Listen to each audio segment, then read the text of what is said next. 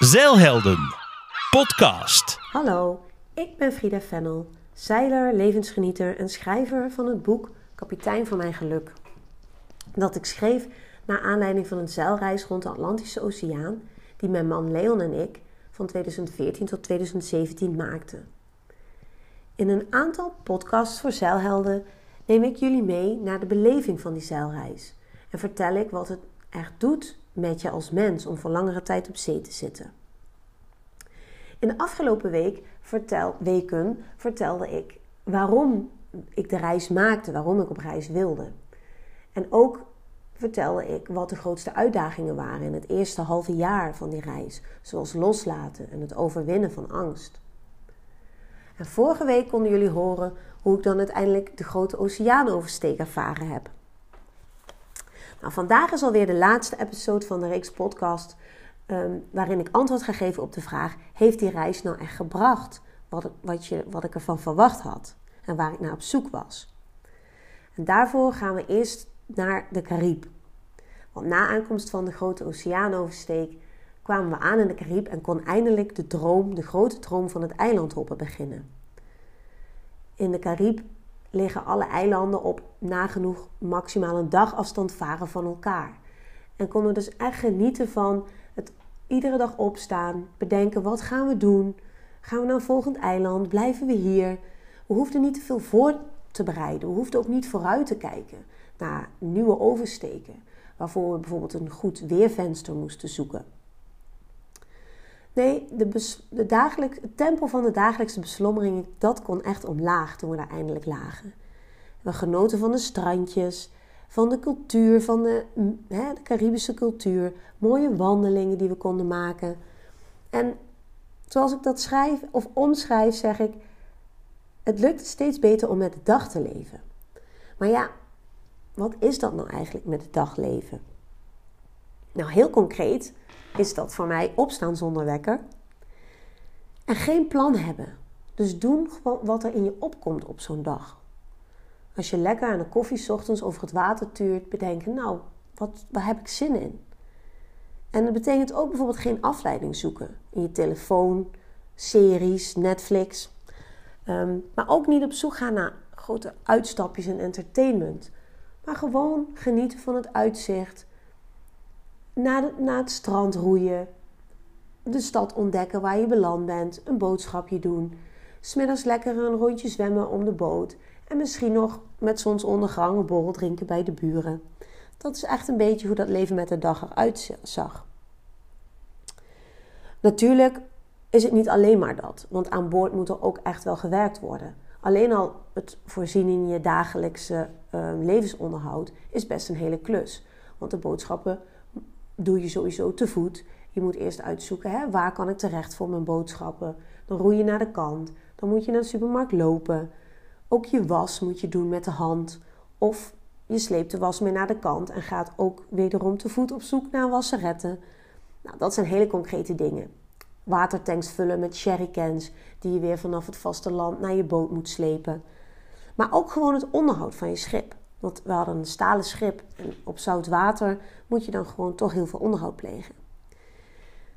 En na enkele weken maanden in de Caribe besloten we om in het, op het eiland Antigua groot onderhoud aan het dek uit te voeren.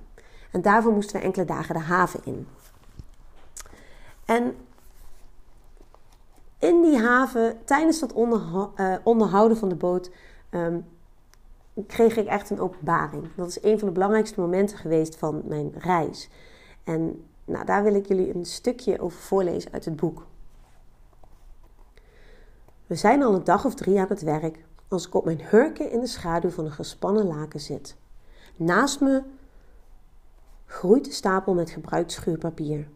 Mijn handen zitten onder het stof van het schuren en doen pijn, net zoals mijn knieën. Het zweet druppelt van mijn gezicht en in gedachten zie ik mezelf puffend en zwetend zitten. Ik krijg zelf medelijden. Wat een rotklus is dit toch iedere keer. In Nederland werd ik er altijd chagrijnig van. Ik kon alleen maar hard doorwerken, blik op oneindig. Niemand mocht me afleiden en ik nam nooit pauze. Ik had maar één doel voor ogen: het moest zo snel mogelijk af. In gedachten anticipeer ik op nog een paar dagen vol afzien en chagrijn. Of toch niet? Het besef dreunt mijn hoofd binnen en verspreidt zich door mijn lijf alsof ik door een megagolf word meegesleurd. De werkelijkheid is dus zo anders dan mijn gedachten. Ik heb helemaal geen haast en ik vind het niet vreselijk. Ik vind het ook niet leuk, maar ik doe het gewoon, zonder dat het mijn gemoed beïnvloedt. Ik krijg er geen negatieve energie, maar juist positieve energie van. Wat is er met me aan de hand? vraag ik me af. Ik voel me anders, niet mezelf? Of juist wel mezelf? Is dit de ik naar wie ik op zoek ben? En het moment is zomaar daar. Het moment dat ik me realiseer, ik ben vrij, in balans, zen. Dit is het hier en nu. En al die vreemde termen zijn ineens tastbaar geworden. En dan bedoel ik ook echt ineens. Ik denk terug aan een gesprek met Lotte van Zeiljacht Rogue enkele maanden terug. Frida vroeg ze: Wat doe jij nou zoal de hele dag aan boord? Ik moet toch altijd iets ondernemen, iets doen, mezelf ontwikkelen? Oh, zei ik, ik erken het helemaal. Niets doen is zo lastig. Het zit helemaal niet in me. Het voelt alsof het niet mag, alsof het verkeerd is. Dat heb jij dus ook, zei ze met duidelijk hoorbare opluchting in haar stem. Jip, zei ik. Maar ik geef er niet aan toe. Het is juist een van mijn doelen op deze reis om me over te geven en te leven in het moment. We zijn zo geconditioneerd als mens en ik wil juist proberen die condities te doorbreken en de drang om altijd iets te moeten of te ondernemen juist te overwinnen of zoiets. En ze keek me aandachtig aan. Ja, ik geloof dat ik je kan volgen. En hier zit ik dan in Antigua, met mijn schuurpapiertje in de handen zen te zijn. En zo voel ik me meestal de afgelopen tijd. De meeste dagen voel ik me geweldig tevreden. Ik ben niet op zoek naar zingeving of balans, naar ondernemerschap of zelfontplooiing. Ik leef. Ik ben. Ik voel me vrij en gelukkig als een kind. En dat is dus eigenlijk wat daar in die Carib met mij gebeurde. En ik besefte me dat ik me de afgelopen weken dus steeds zo voelde.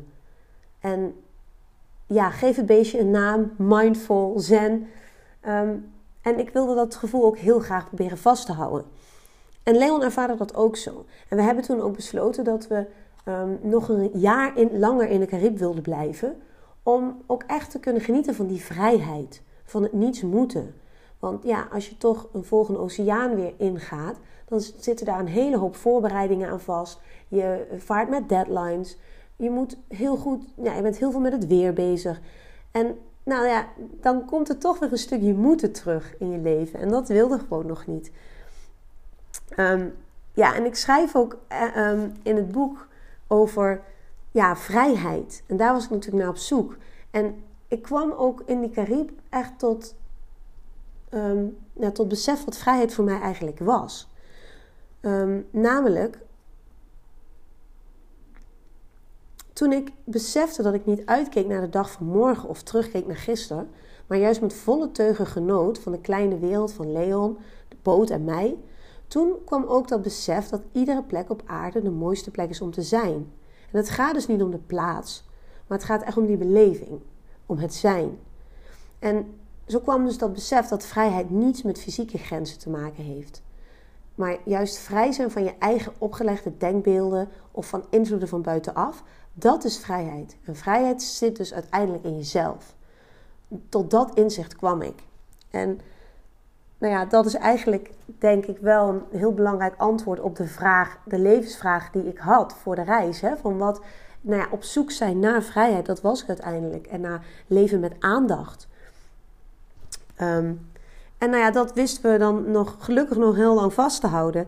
En ehm, eigenlijk maanden later bereikten we het mooiste, de mooiste plek van onze zeilreis. En dat waren de San Blas-eilanden bij Panama. En dat is een eilandengroep voor de Panamese kust.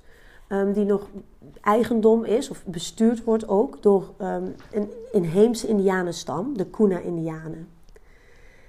En um, nou, daar werden we helemaal teruggegooid, echt naar de basis van het bestaan.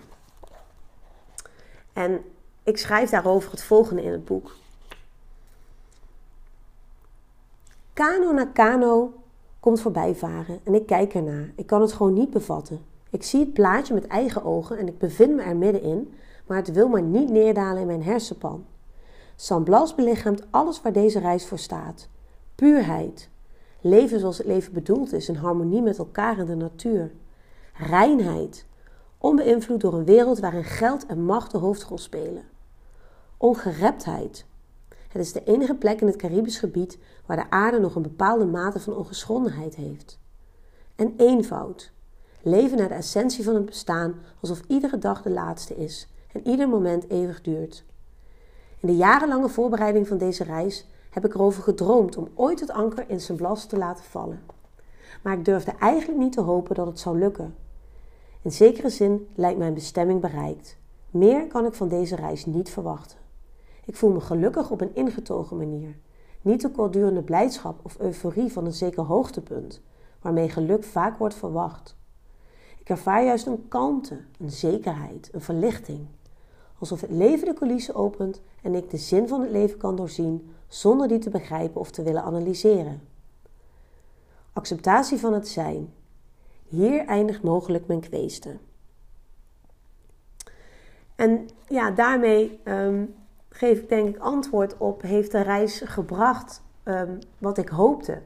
Ja, dat heeft het. Um, en het heeft ook antwoord gegeven, hè? dus op die vragen waar ik mee worstelde, namelijk wat is de zin van het leven?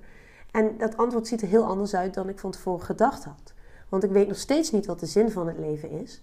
Maar ik heb nu een state of mind waarin ik um, dat accepteer dat ik dat nooit zal weten. En waarin ik het leven juist meer leef.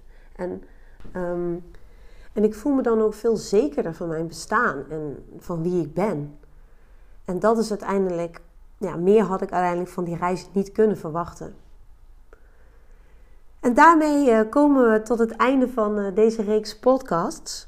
Ik wil jullie uh, enorm bedanken voor het luisteren.